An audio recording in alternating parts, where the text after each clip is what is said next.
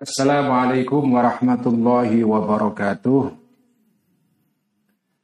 Bismillahirrahmanirrahim. Alhamdulillahi rabbil alamin wassalatu wassalamu ala asyrafil anbiya'i wal mursalin. Sayyidina wa habibina wa maulana wa qurrati a'yunina Muhammadin wa ala alihi wa ashabihi wa man tabi'ahum bi ihsanin ila yaumiddin. Rabbi syrah li sadri wa yassir li amri wa hlul 'uqdatam min lisani yafqahu qawli. Rabbi zidna ilma warzuqna fahma amin ya rabbal alamin. Amma ba'du.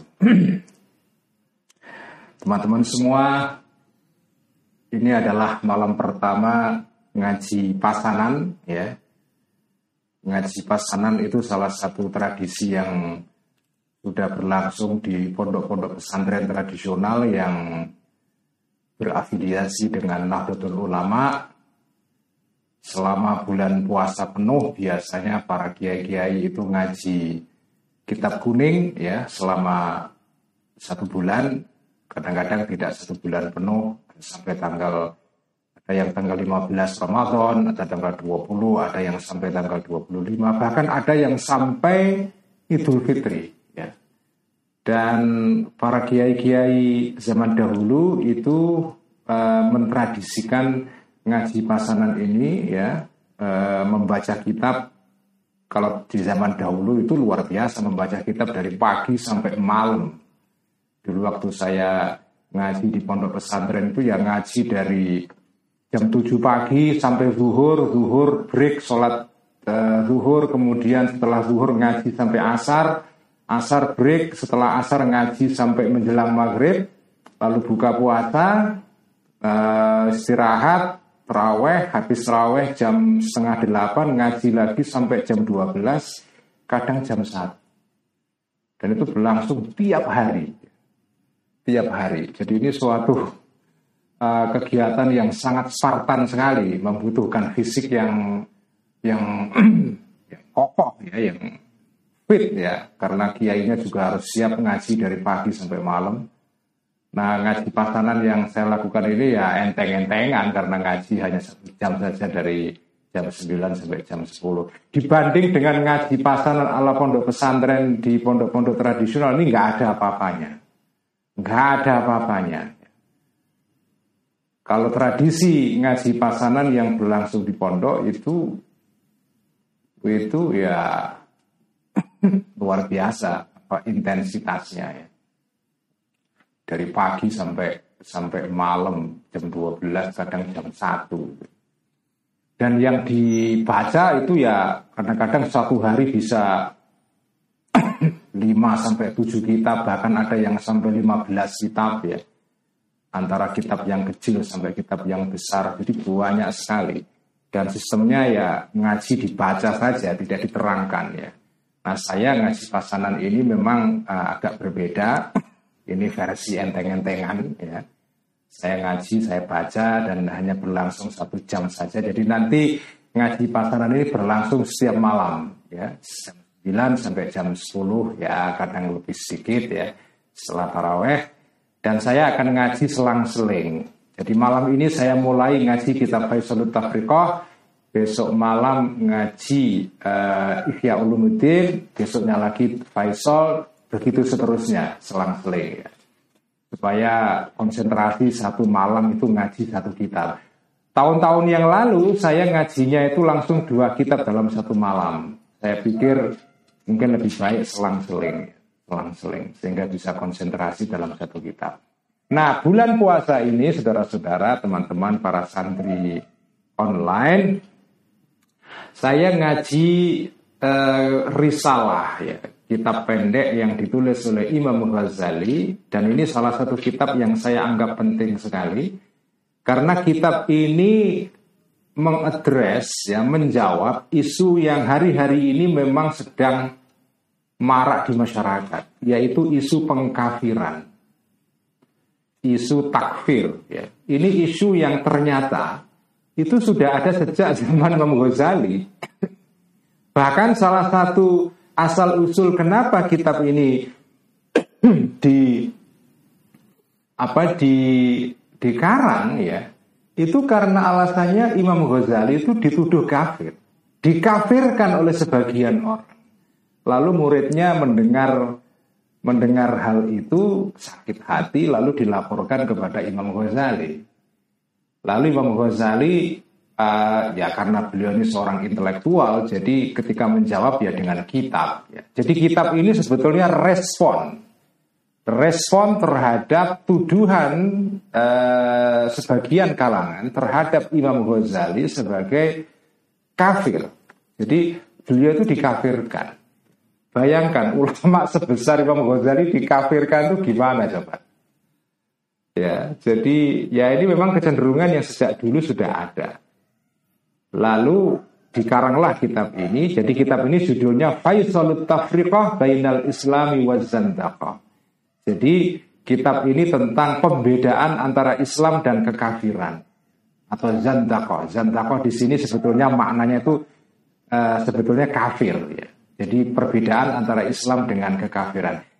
Bagaimana caranya kita bisa mengatakan seseorang itu kafir atau tidak? Nah, buku ini ini sebetulnya lebih banyak berbicara mengenai soal problem pengkafiran di dalam tubuh umat Islam sendiri. Jadi pengkafiran ini kan masalah internal umat Islam. Satu golongan mengkafirkan yang lain. Makanya dalam woro-woro tadi sore saya mengatakan kitab ini itu berbicara mengenai tema yang penting. Yaitu apa yang saya sebut sebagai toleransi internal. Nanti kalau kita sudah baca kitab ini ya insya Allah nanti Anda akan tahu. Salah satu gagasan gagasan yang dibawa uh, oleh Imam Ghazali itu adalah toleransi Jadi sebaiknya umat Islam itu tidak gampang mengkafirkan satu golongan terhadap golongan yang lain. Jadi memang pengkafiran itu ada dan dimungkinkan Al Ghazali nggak menegasikan adanya kemungkinan untuk mengkafirkan ya. Tetapi itu harus diminimalkan sekali. Jadi area pengkafiran itu kalau bisa dipersempit sesempit-sempitnya. Supaya ya tidak gampang orang Islam itu dituduh kafir lalu keluar dari Islam. Jadi intinya kitab ini sebetulnya berbicara atau mengusulkan atau mendakwakan ya menganjurkan agar umat Islam ini saling mentolerir satu golongan terhadap golongan yang lain tidak gampang mengkafirkan karena perbedaan pendapat, perbedaan penafsiran, perbedaan perbedaan interpretasi dan seterusnya ya. Jangan mudah mengkafirkan orang lain. Dan dan ya uniknya ya ya ini memang ya inilah masalah yang dihadapi oleh umat Islam sekarang gitu ya. Ada beberapa kelompok yang Jelas-jelas doktrin mereka itu mengatakan bahwa kami tidak akan mudah mengkafirkan orang lain. Tapi ternyata mereka mengkafirkan juga dan gampang mengkafirkan juga. Jadi ini ini problem yang yang sudah ada sejak zaman Imam Ghazali. Jadi buku ini ditulis sebagai respon atas tuduhan terhadap Imam Ghazali sebagai kafir. Jadi ini kitab tentang panduan bagaimana menghadapi perbedaan pandangan dalam umat Islam. Makanya saya katakan ini penting sekali. Ini temanya sangat timely, ya, sangat pas waktunya, dan kita butuhkan hari. Nah, kitab ini dari segi kronologi waktu ya, itu ditulis setelah kitab Al-Mungkith Minad Jadi saya sudah pernah membaca kitab ini Al-Mungkith Minad karya Al-Ghazali juga dua tahun yang lalu sudah hatam ya. Jadi kitab ini ditulis uh, apa setelah eh, setelah sebelum ya. Sebelum kitab Al Mungkif min Dalal dan uh, ditulis um, apa itu juga sebelum kitab Ihya. Kitab Ihya. Jadi ini kitab yang ditulis uh, apa eh, pada masa-masa yang belum terlalu akhir dalam dalam kehidupan Imam Ghazali ya. Jadi ini kitab yang apa eh, dari segi kronologi waktu sebetulnya bukan kitab yang ditulis pada masa akhir hayat beliau. Kitab yang terakhir ditulis oleh Imam Ghazali itu kitab Al-Mustasfa namanya. Al-Mustasfa itu kitab beliau dalam bidang usul fikih atau teori hukum Islam. Uh, uh, itu terakhir. Jadi kitab yang ditulis oleh beliau pada akhir hayatnya itu kitab Al-Mustasfa.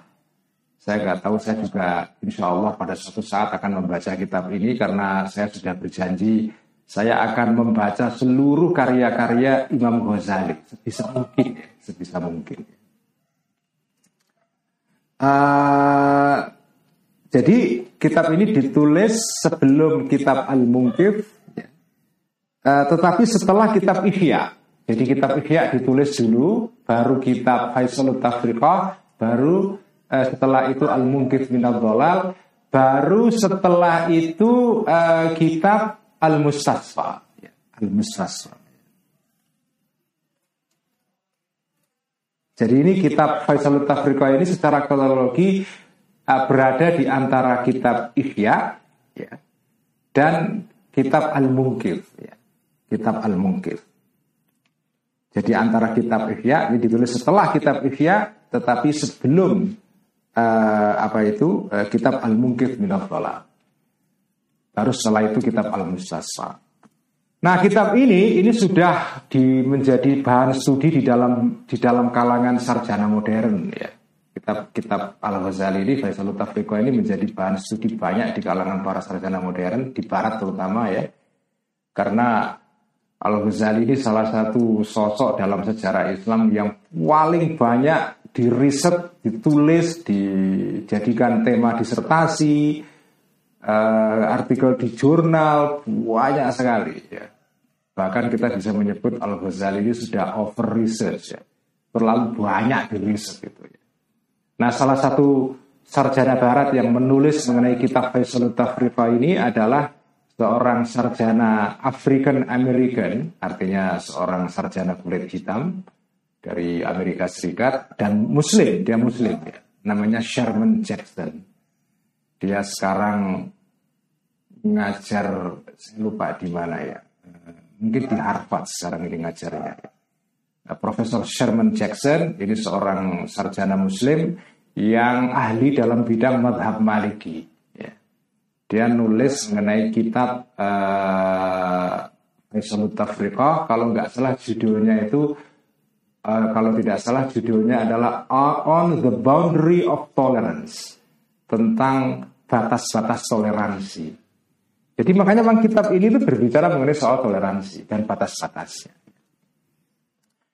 Mari kita mulai uh, ngaji kitab ini seperti biasa dengan hadiah Al-Fatihah uh, kepada muallif uh, kitab ini yaitu Hujatul Islam Abi Hamid Al-Ghazali dan tentu saja kepada para guru-guru kita, para orang-orang tua kita dan sahabat-sahabat kita yang sudah mendahului kita semua kepada para muassis baik Jamiah Nahdlatul Ulama dan jamiah-jamiah yang lain.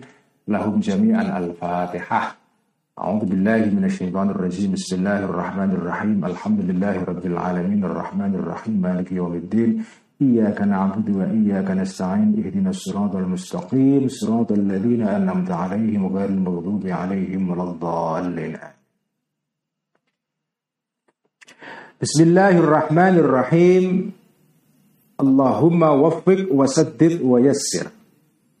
Kita baca mukaddimah kitabnya ah, Al-Ghazali ini ya, kitab Faisal Tafriqah. Ahmadullah Ta'ala istislaman li'izzatih. Wasitmaman li ni'mati. Wastighnaman li taufiqihi wa ma'unatih. واستعصاما من خذلاته من خذلانه ومعصيته واستدرارا لصواب رحمته. وأصلي على محمد عبده ورسوله وخير حقيقته انقيادا لنبوته واستجلابا لشفاعته وقضاء لحق رسالته واعتصاما بيمن نقيبته. بيمن نقيبته. Wa ashabihi wa itrati. Amma ba'du. Amma ba'du ini uh, idiom ya ungkapan yang sering dipakai oleh para pengarang kitab atau para penceramah untuk memisahkan antara mukaddimah berupa bacaan hamdalah, salawat, salam dan seterusnya dengan tema atau pokok pembahasan yang akan ditulis dalam kitab ya, bersangkutan amma ba'du. Fa inni ra'aituka ayyuhal akhul mushfiqu was sadiqul muta'assibu mugharas sadri muqassamal fikri lima qara'a sam'aka min ta'ni ta'ifatin minal hasadati ala ba'di kutubina al-musannafati fi asari muamalatid din. Amma ba'du fa inni maka sesungguhnya aku Ra'aitu melihat aku Al-Ghazali maksudnya ka engkau wahai seorang murid Al-Ghazali yang melaporkan tadi itu. Jadi ini ada tuduhan kepada Al-Ghazali sebagai kafir kan. Al-Ghazali dikafirkan oleh seseorang, lalu muridnya dengar, dia nggak terima, lapor kepada gurunya. Lalu Al-Ghazali menulis uh, kitab ini sebagai tanggapan. Pak ini maka sesungguhnya aku Al-Ghazali itu melihat aku kepada engkau ayuhal akhu wahai saudaraku ya, al-musyiku yang bersifat kasih sayang yang menyayangi aku wasadiku dan seorang teman al-muta'assibu yang bersifat ta'asub ya, yang yang mendukung saya maksudnya mendukung Al-Ghazali secara militan. Makanya nggak terima. Ini gurunya dikafirkan oleh orang lain nggak terima ini. Ya Aku melihat engkau wahai temanku dan sahabatku ini mugharas sadri sebagai orang yang apa ya yang uh, meluap-luap uh, dadanya karena marah gitu ya. Mukot samal fikri terpecah-pecah pikirannya, artinya bingung ya gimana menanggapi tuduhan kafir terhadap gurunya ini gimana ini. Lima kara karena lima karena sesuatu Qara'a yang me, apa ya me, me apa qara'a itu seperti memukul bel itu ya. Qara'a itu yang yang yang mengenai, yang memukul seperti memukul bel itu, memukul lonceng ya. Sama akar terhadap pendengaran kamu. Minta nita ifatin berupa kritikan atau uh, apa ya uh, kritikan atau uh, apa nyinyiran ya cibiran sekelompok orang. Minal hasadati di antara orang-orang yang hasud ala ba'di kutubina. Terhadap sebagian kitab-kitabku al-Ghazali maksudnya al-musannafati yang dikarang kutubina ini fi asrari muamalatid dini tentang rahasia-rahasia muamalah atau ya, perlakuan-perlakuan atau tindakan-tindakan dalam masalah agama atau interaksi dalam masalah agama. Wazamihim dan dan uh, tuduhan Taifah tadi itu an-nafiha sesungguhnya di dalam kitab-kitabku Al-Ghazali tadi ya uh, ma terdapat sesuatu yukhalifu yang menentang yang berbeda ma ini madhab al ashabi terhadap pandangan madhabnya para ashab para tokoh-tokoh yang apa sahabat-sahabat ulama awal. Ashab di sini artinya adalah para ulama yang menjadi murid-muridnya para tokoh-tokoh awal. Misalnya tokoh seperti pendiri madhab Ash'ari, ya, akidah Ash'ariyah yaitu Abdul Hasan al Ash'ari, ya, sahabat-sahabat dan murid-murid dari, dari Abdul Hasan al Ash'ari, atau ya sahabat-sahabat dan murid-murid dari para imam awal seperti Imam Syafi'i misalnya. Jadi ada orang-orang yang menuduh bahwa kitab-kitabku, kitab-kitab Al-Ghazali ini mengandung pendapat-pendapat pandangan yang berlawanan dengan madhabnya para ulama dahulu. Al-Mutaqaddimina yang sudah terdahulu semua, wal masyaihi dan para guru-guru besar ya, al-mutakallimina yang ahli kalam. Misalnya seperti gurunya Al-Ghazali sendiri, Al-Juwaini, atau misalnya Imam Al-Baqillani, Imam Ibnu Fawraq misalnya atau Imam Abdul Hasan Al Ashari sendiri uh, dan para imam-imam yang lain yang sudah terdahulu. Jadi dianggap karangan atau bukunya Al Ghazali ini mengandung ajaran sesat. Bayangkan ya, ini ulama sebesar Al Ghazali kok ya bisa dituduh sesat itu gimana? Ya, jadi kalau kalau ada yang menuduh sampean sesat itu nggak usah heran. Ulama sebesar Al Ghazali saja disesatkan, apalagi ya sampean-sampean yang levelnya nggak sampai Al Ghazali ya. Ya itulah. Jadi termasuk kitab Ihya Ulumuddin sendiri itu juga juga menjadi bahan apa ya kritikan sebagian ulama pada zamannya. Bahkan ya sampai sekarang pun kan masih banyak orang yang membenci kitab Ihya itu kan banyak. Banyak itu. Makanya kitab Ihya itu kitab yang memang kontroversial sejak dulu sampai sekarang. Sejak zaman dahulu, sejak kitab ini dikarang sampai sekarang ini kontroversial. Tetapi yang jatuh hati, jatuh cinta, menyukai kitab Ihya juga juga lebih banyak lagi. Lebih banyak lagi.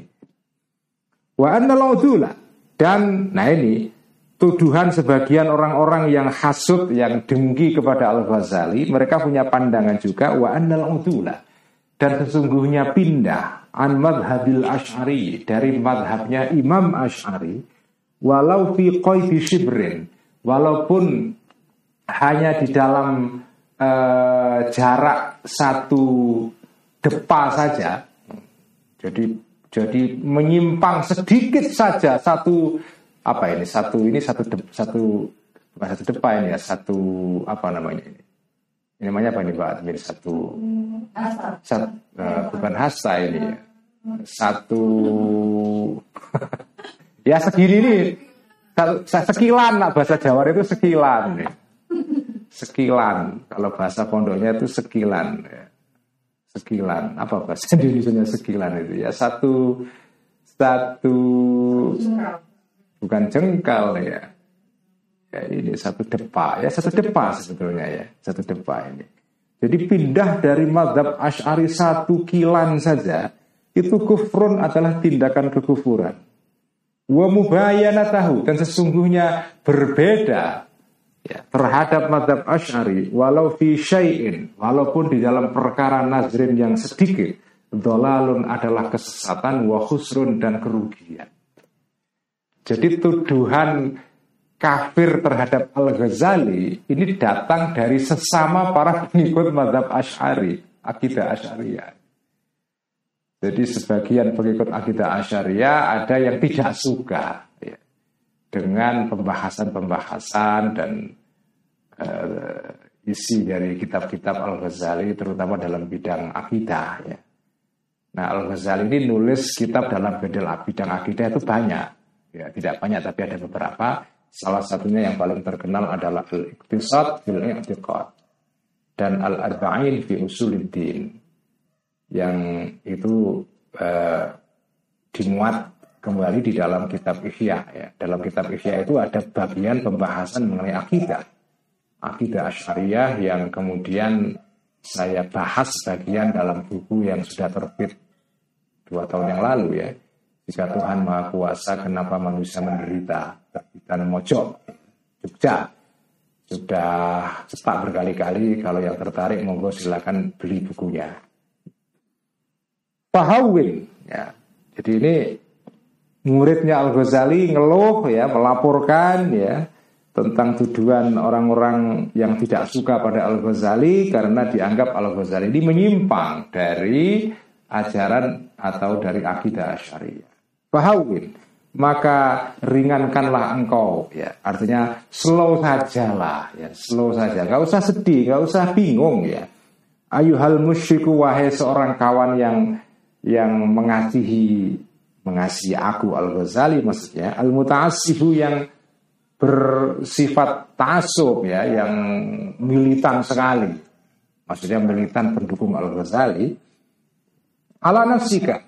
Uh, ringankan ala nafsika terhadap diri kamu. Gak usah sedih. Walayadiku dan hendaknya tidak menjadi sempit. Bihi karena tadi itu ya zam tuduhan-tuduhan orang-orang yang hasut kepada Al Ghazali itu sodruka dada. Wafulla wafulla dan uh, apa itu? Wafulla dan uh, fulla itu artinya adalah apa ya?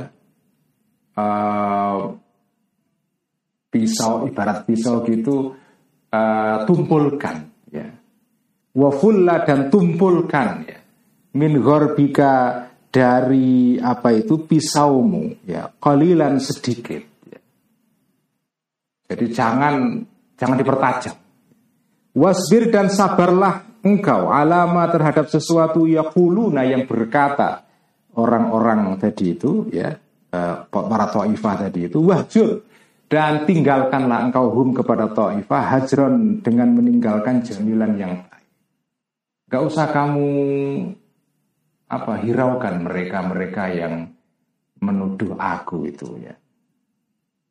Meng, me, menuduh aku sesat itu. Gak usah membuat engkau risau dan kamu tidak usah sedih. Wastahfir dan anggaplah ringan atau anggaplah hina engkau ya. Wastahkir dan apa ya eh, anggaplah hina engkau man terhadap orang ya. La yang tidak bisa dihasudi orang ini wala yukzafu dan tidak bisa dituduh orang ini. Wastaksir dan apa itu eh, dan pendek atau anggap pendek engkau man terhadap orang bil kufri asalnya la yukrofu ini dibalik apa itu ibaratnya bil kufri dengan kekufuran wadolali dan kesesatan la yukrofu tidak bisa eh, dituduh di apa ya dituduh ya di dituduh dan dianggap orang tersebut ya. Jadi kamu nggak usah menganggap apa ya serius ya kepada jadi kamu tidak usah menganggap terlalu berat lah wastahil ini tidak usah menganggap terlalu berat ya terhadap orang yang yang tidak bisa dihasuti, tidak bisa di, di apa dituduh itu. Ya seperti Al Ghazali ini ya. Al Ghazali ini kan ya orang yang tidak bisa dituduh sesat atau tidak bisa dituduh kafir atau apa pun. Karena orang ini ini orang seperti Al Ghazali orang yang pada level Al Ghazali seperti itu ya. Jadi dengan tuduh apa pun ya nggak peduli gitu loh. Apa pengaruhnya? Makanya kamu nggak usah terlalu sibuk nggak usah terlalu merasa sedih ya. Anggap sepele saja.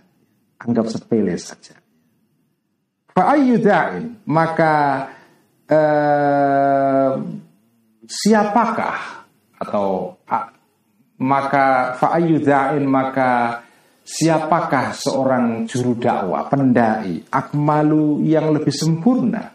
Wa aqalu dan lebih punya akal lebih pintar. Min sayyidil mursalina daripada pimpinan para rasul-rasul yaitu kan Nabi Muhammad sallallahu alaihi wasallam. Siapa yang lebih sempurna lebih lebih cerdas, lebih ber lebih pintar daripada kanjeng Nabi. Itu pun waqad qalu dan telah berkata orang-orang Arab pada zamannya ya. Kanjeng Nabi disebut innahu majnunun minal majani. Innahu sesungguhnya sayyidul mursalin yaitu kanjeng Nabi. Majnunun adalah seorang yang gila minal majani ini dari kalangan orang-orang yang gila. Kanjeng Nabi saja disebut sebagai orang yang gila. Apalagi orang seperti Al Ghazali atau yang lain-lain, jadi nggak usah heran, nggak usah heran. Wa ayu kalamin dan uh, pembicaraan yang manakah ajalu lebih lebih utama, lebih mulia, wa asdaku dan lebih benar min kalami rabbil alamin daripada kalam atau pembicaraannya Tuhan para orang-orang semesta semua. Seluruh semesta. Waktu kalu dan telah berkata orang-orang Arab ya pada zaman Nabi menyampaikan wahyu, innahu asatirul awwalina. Innahu sesungguhnya Quran atau kalam kalamnya Allah itu dalam Quran adalah asatirul awwalina, adalah dongengan-dongengan orang-orang generasi zaman dahulu. Jadi kalau kitab Ihya dituduh ini itu ini itu ya nggak heran Quran saja juga di disebut macam-macam. Wa iyyaka dan takutlah engkau. Wa iyyaka dan takutlah engkau.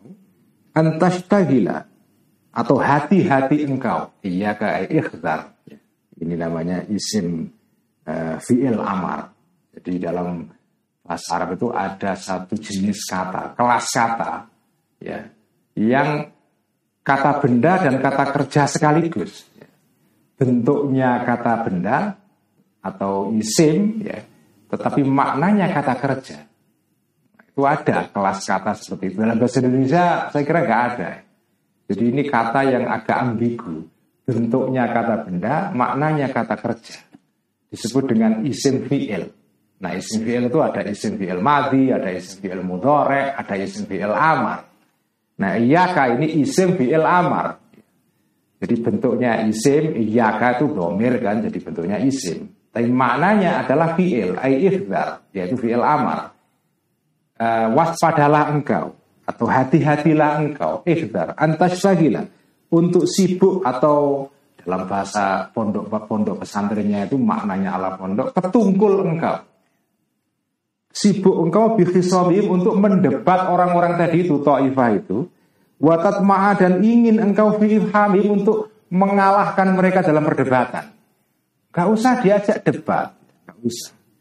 Fatat ma'a maka berkeinginan engkau, maka menginginkan engkau fi ghairi matmain di dalam selain tempatnya berharap. Artinya kamu mengharapkan sesuatu yang yang nggak layak diharapkan. Yaitu apa? Mengalahkan mereka dalam perdebatan. Yang nggak ada gunanya juga sampai debat ya, ya nggak akan menghasilkan apa-apa.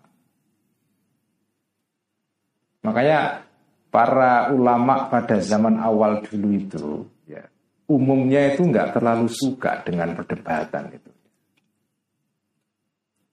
Debat, apalagi debat kusir itu ya. Itu nggak suka itu. Meskipun kalau perdebatan itu terpaksa diperlukan karena ya keadaan tertentu ya nggak apa-apa. Karena ulama-ulama pada zaman dulu juga juga berpolemik juga tetapi umumnya kecenderungan para ulama terutama pada zaman-zaman awal zaman sahabat tabiin, tabiut tabiin ya abad kedua tiga hijriyah itu ya, itu abad pertama kedua ya, dan sebagian ketiga hijriyah itu umumnya para ulama itu nggak suka berdebat. Jidal itu tidak tidak, tidak suka berdebat itu namanya jidal atau khusumah. Bahkan Al-Ghazali dalam kitab Ihya itu memasukkan jidal itu sebagai salah satu afatul lisan, penyakit mulut. Penyakit mulut sudah pernah kita bahas dalam kitab Ihya. Penyakit mulut ada 20. Salah satunya adalah al-jidal wal mira wal khusumah. Debat kusir, poropadu kalau cara bahasa pondok pesantrennya itu poropadu. Poropadu. Nah, itu termasuk anu itu termasuk penyakit mulut itu yang harus dihindari. Jadi nggak usah kamu harapkan untuk berdebat dengan mereka. Watat riba dan watat riba dan apa ya berjalan engkau, maksudnya memukul memukulkan kaki engkau, artinya berjalan. Kata doroba itu maknanya macam-macam dalam bahasa Arab itu ya. Doroba bisa artinya memukul, Doroba Zaidun Amron, ya, Zaid memukul Umar, itu contoh yang klasik dalam ilmu nahu. Doroba Zaidun Amron. Ada doroba itu maknanya itu apa ya e, membuat atau ya membuat atau menyusun ya misalnya doroballahu masalan Allah membuat atau um, mencontohkan sesuatu, ya, membuat analogi, membuat uh, perumpamaan. Itu doroba artinya di situ namanya apa yang membuat tapi doroba bisa artinya adalah jalan. Doroba fil ardi itu artinya jalan. Memukulkan kaki itu artinya jalan. Tapi doroba juga bisa artinya adalah memasang sesuatu tenda. Misalnya ya. Apa uh, doroba rohlan jadi memasang tenda. Jadi orang jalan kemudian berhenti memasang tenda. Itu namanya doroba rohlan dan yang lain-lain kata doroba itu maknanya banyak sekali dalam bahasa Arab ya. Satu kata tapi maknanya banyak. Namanya istirak lafzi ya. Uh, wa iyyaka anta Watadriba dan berjalan engkau fi ghairi muttasain di dalam tempat yang tidak lebar. Artinya berdebat dengan orang-orang seperti itu itu seperti berjalan di jalan sempit ya. Enggak apa ya? Ya merepotkan saja jalan di gang sempit kayak di Jakarta itu loh ya. Jalan sempit-sempit di kampung-kampung. Ya itu, itu berdebat dengan orang-orang bodoh itu seperti jalan di uh, di gang-gang sempit di perumahan-perumahan di Jakarta. Itu, itu namanya doroba fi ghairi. Ama sami'ta, apakah tidak mendengar engkau ma perkataan atau kata-kata mutiara kila yang dikatakan ma ini yaitu berupa bait ya. Ini dari bahar dari apa yaitu dari eh, apa dari lagu tembang namanya tembang basit, tembang basit. Ya. Nah tembang basit ini kalau cara pondok pesantren lagunya begini. Ada dua lagu. Kalau lagunya ayah saya itu begini. Kullul adawati qad turja imatatuha illa ada wataman ada kaan hasadin. Kullul adawati qad turja imatatuha. Illa ada wataman ada kaan hasadin. Itu tembang namanya tembang pasif itu kalau tembangnya ayah saya.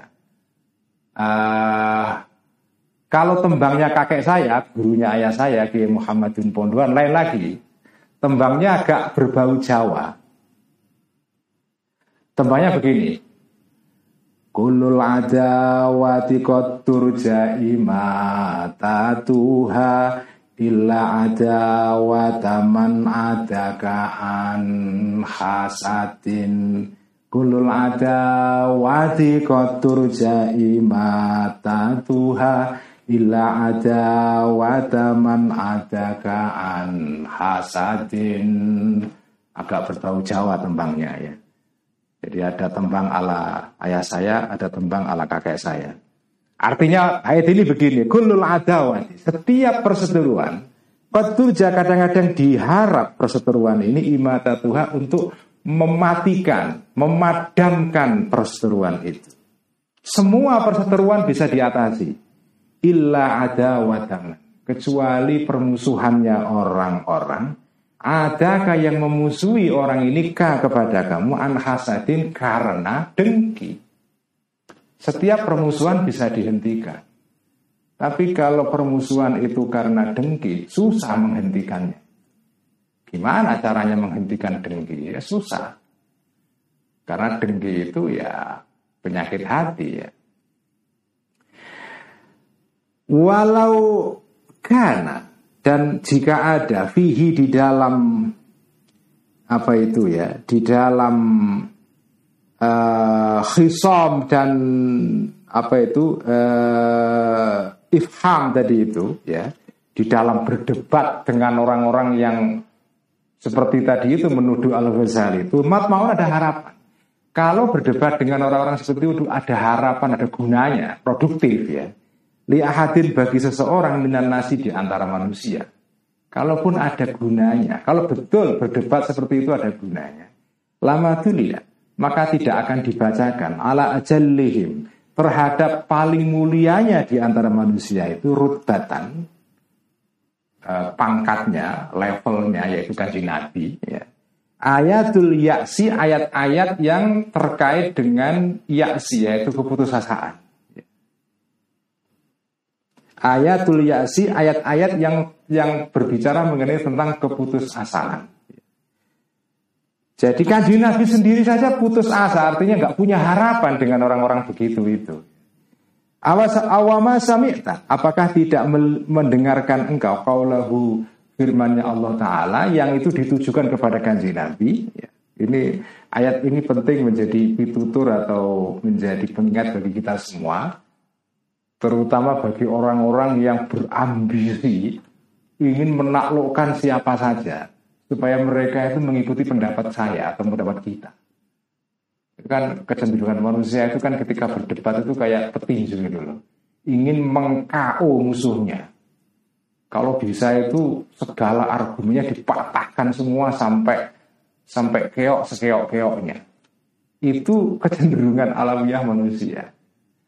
Nah bagi orang-orang yang berambisi seperti itu, silahkan mendengarkan ayat ini. Bunyinya begini, wa in kana kaburu 'alaika i'raduhum wa in istata'ta an tabtaghiya nafaqan fil ardi aw sullama sullaman fis samai fata'tiyahum bi ayah Walau sya'allahu lajama'ahum 'alal huda fala takunanna minal jahilin. Wa inkana jika ada kabura merasa berat alaika terhadap engkau wahai Muhammad yang rohihum berpalingnya orang-orang kafir itu.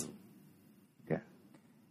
Kamu kalau merasa berat karena dakwahmu tidak diterima oleh orang-orang kafir itu. Fa ini maka jika Mampu engkau wahai Muhammad antabtagia untuk mencari engkau nafakon terowongan fil ardi di dalam tanah bunker. Ausulaman atau tangga fis samai menuju ke atas langit. Fatak tiap maka akan mendatangkan engkau wahai Muhammad hum atau mendatangi engkau hum kepada orang-orang kafir di Arab pada saat itu ayatin dengan ayat jika kamu ke, jika kamu mampu masuk ke bunker di bumi atau naik ke atas untuk mendapatkan bukti-bukti atas kerasulan kamu, pasti kamu lakukan.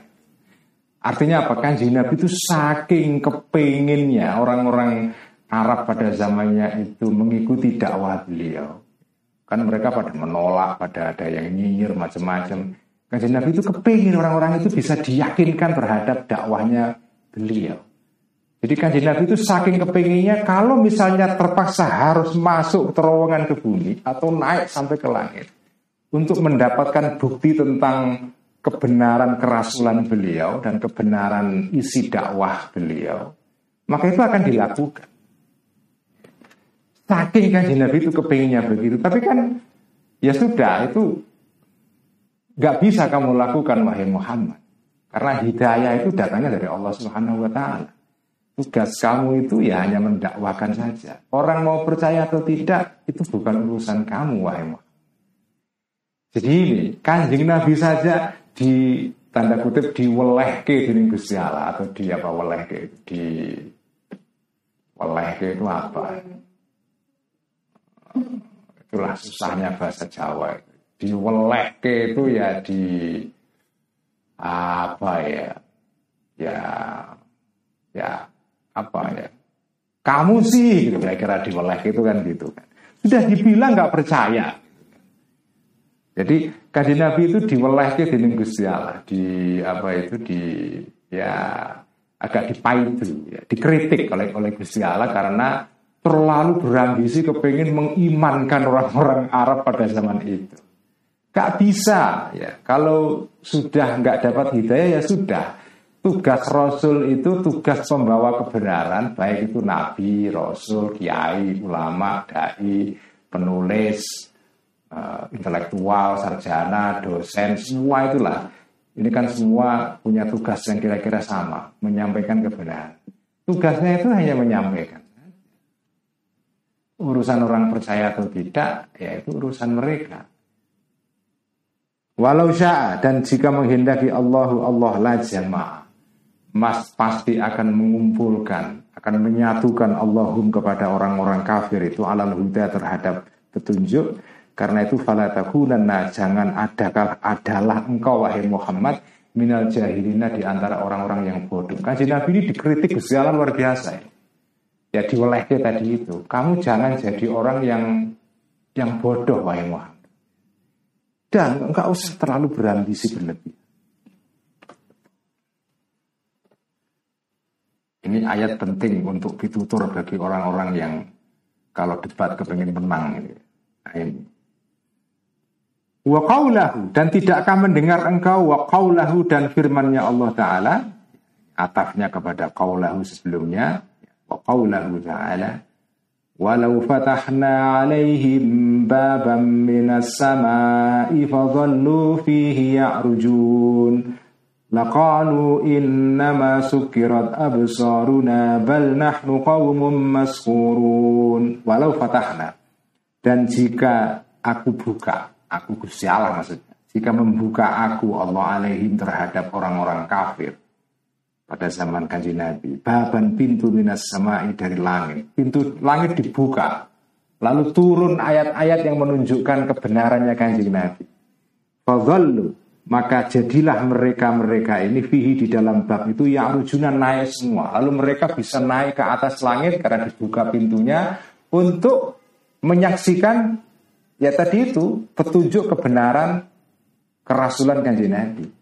Lakalu maka akan berkata orang-orang sudah dikasih petunjuk yang sejelas itu ceto welo welo itu masih berkata orang-orang ini inna masuk kirot abus inna masuk kirot sesungguhnya ditipu apa di uh, dimabukkan Abu Soruna artinya ditipu Abu Soruna pandangan-pandangan atau mata-mata kami. Bal nahnu sebaliknya kami semua ini kaumun adalah orang-orang masuruna yang tersihir. Ini pasti gara-gara sihir Muhammad sehingga kamu bisa melihat mukjizat-mukjizat di langit. Padahal sudah dikasih petunjuk yang cetawilo-wilo. Ya memang susah kalau orang sudah hasut itu ya nggak bisa dituturi itu.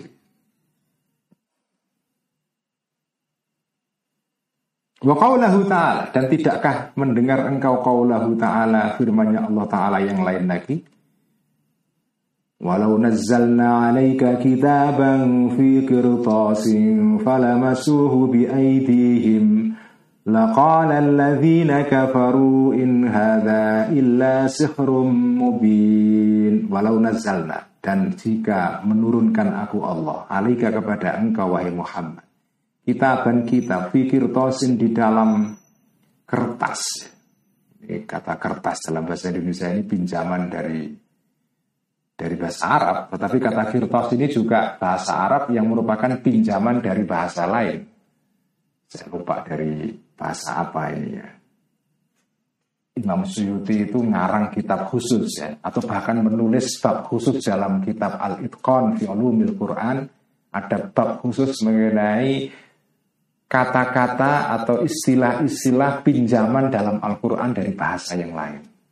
Ada dari bahasa Yunani, bahasa Ibrani, bahasa uh, Syriak, Suryani, bahasa Nabati, Nabatian itu bahasa orang-orang yang tinggal di daerah Yordania sekarang, kaum Nabati, atau bahasa uh, apa Syriak Suryani atau bahasa orang-orang Persia Al-Furs ya. Jadi Quran itu di dalamnya ada bahasa-bahasa pinjaman dari bahasa yang lain. Meskipun pendapat sebagian ulama mengatakan semua kata-kata dalam istilah dalam bahasa dalam Al-Quran itu semuanya bahasa Arab. Dan ini salah satu ini pendapatnya Imam Syafi'i. Imam Syafi'i mengatakan seperti ditulis dalam kitab Ar-Risalah Beliau mengatakan bahwa tidak ada satupun dalam Al-Quran itu istilah pinjaman. Karena kitab Al-Quran, kitab Quran itu kitab yang murni bahasa Arab.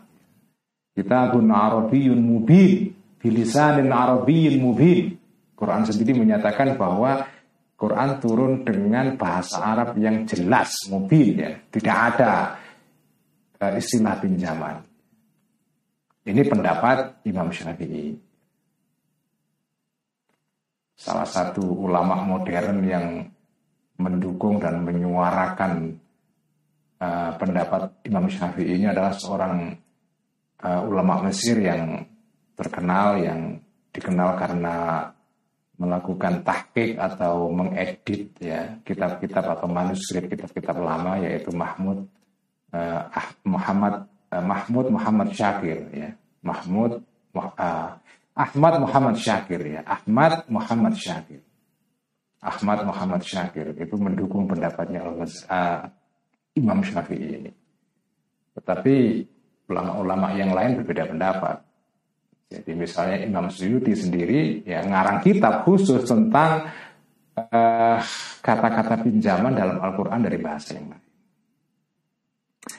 Walau nazzalna dan jika menurunkan aku alaika aku Allah maksudnya alaika kepada engkau wahai Muhammad kita dan kita fikir tosin di dalam kertas. Salamas maka me,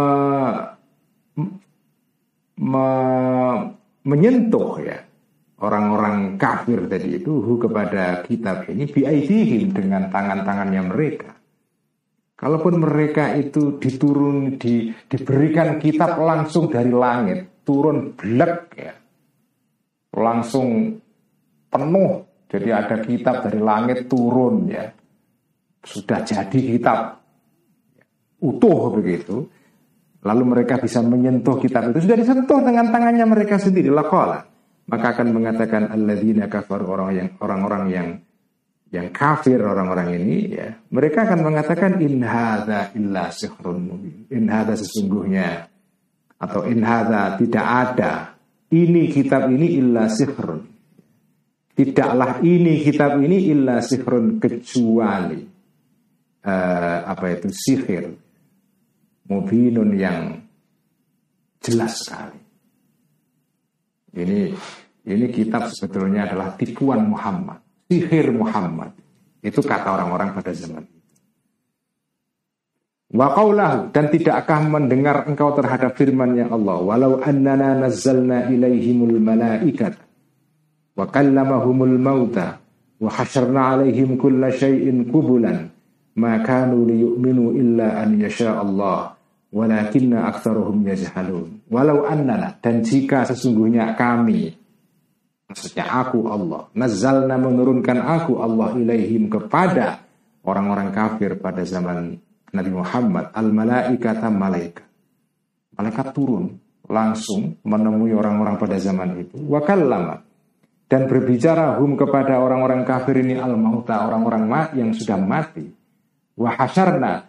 Dan apa itu menggiring aku Allah alaihim terhadap orang-orang kafir itu? Kulla syai'in setiap segala sesuatu uh, kubulan dalam keadaan apa itu uh, di depan mata mereka. Jadi di, di, sebelum mereka artinya berada di depan mereka. Maka nu minu maka nu maka tidak ada mereka ini. Minu beriman orang-orang kafir ini illa an yasha'a kecuali menghendaki Allah Allah walakinna aktsaruhum tetapi sebagian besar orang-orang itu orang-orang kafir pada zaman itu ya jahaluna orang-orang yang bodoh semua. Nah inilah mukaddimah kitab Faisalut Tafriqah ya. Intinya adalah pertama ya ada dua hal isinya. Pertama adalah laporan dari apa itu santrinya atau temannya Imam Ghazali uh, tentang tuduhan sebagian orang terhadap Al Ghazali sebagai orang yang sesat karena kitab-kitabnya dianggap menyimpang dari akidah Asy'ari. Yang kedua, isinya Mukaddimah ini adalah menenteramkan santrinya ini supaya tidak usah bingung.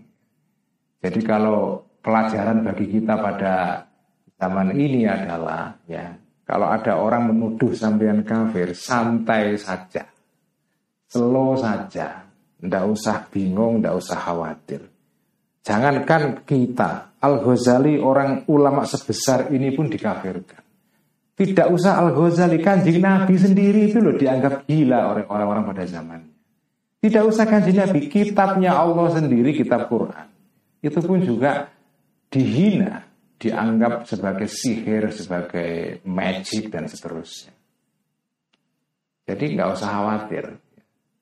Jadi karena memang tuduhan kafir itu sensitif. tuduhan kafir itu sensitif ya.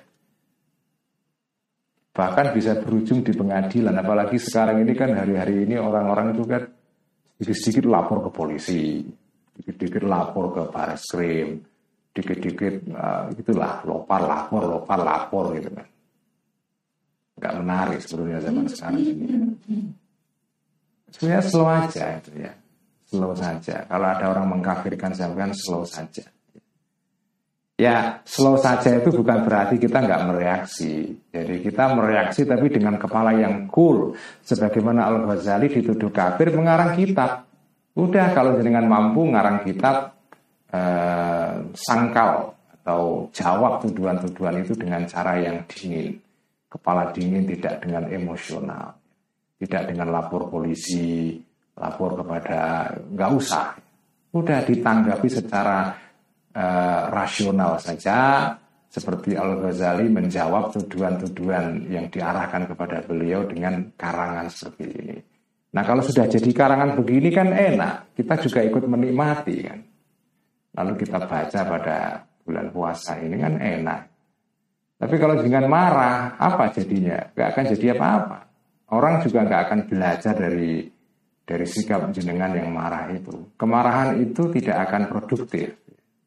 Tapi kalau jenengan jawab secara kepala dingin, jenengan menulis buku, menulis tanggapan ya.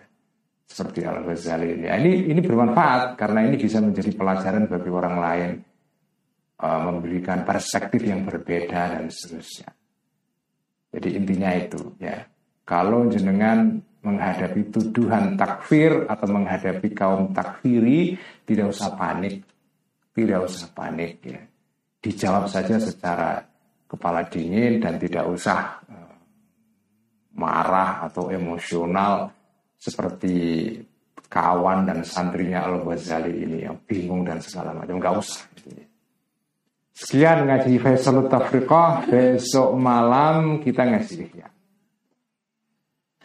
Ya, mari kita tutup seperti biasa dengan salawat qulub. Allahumma salli ala sayyidina Muhammadin tibbil qulubi wa dawatiha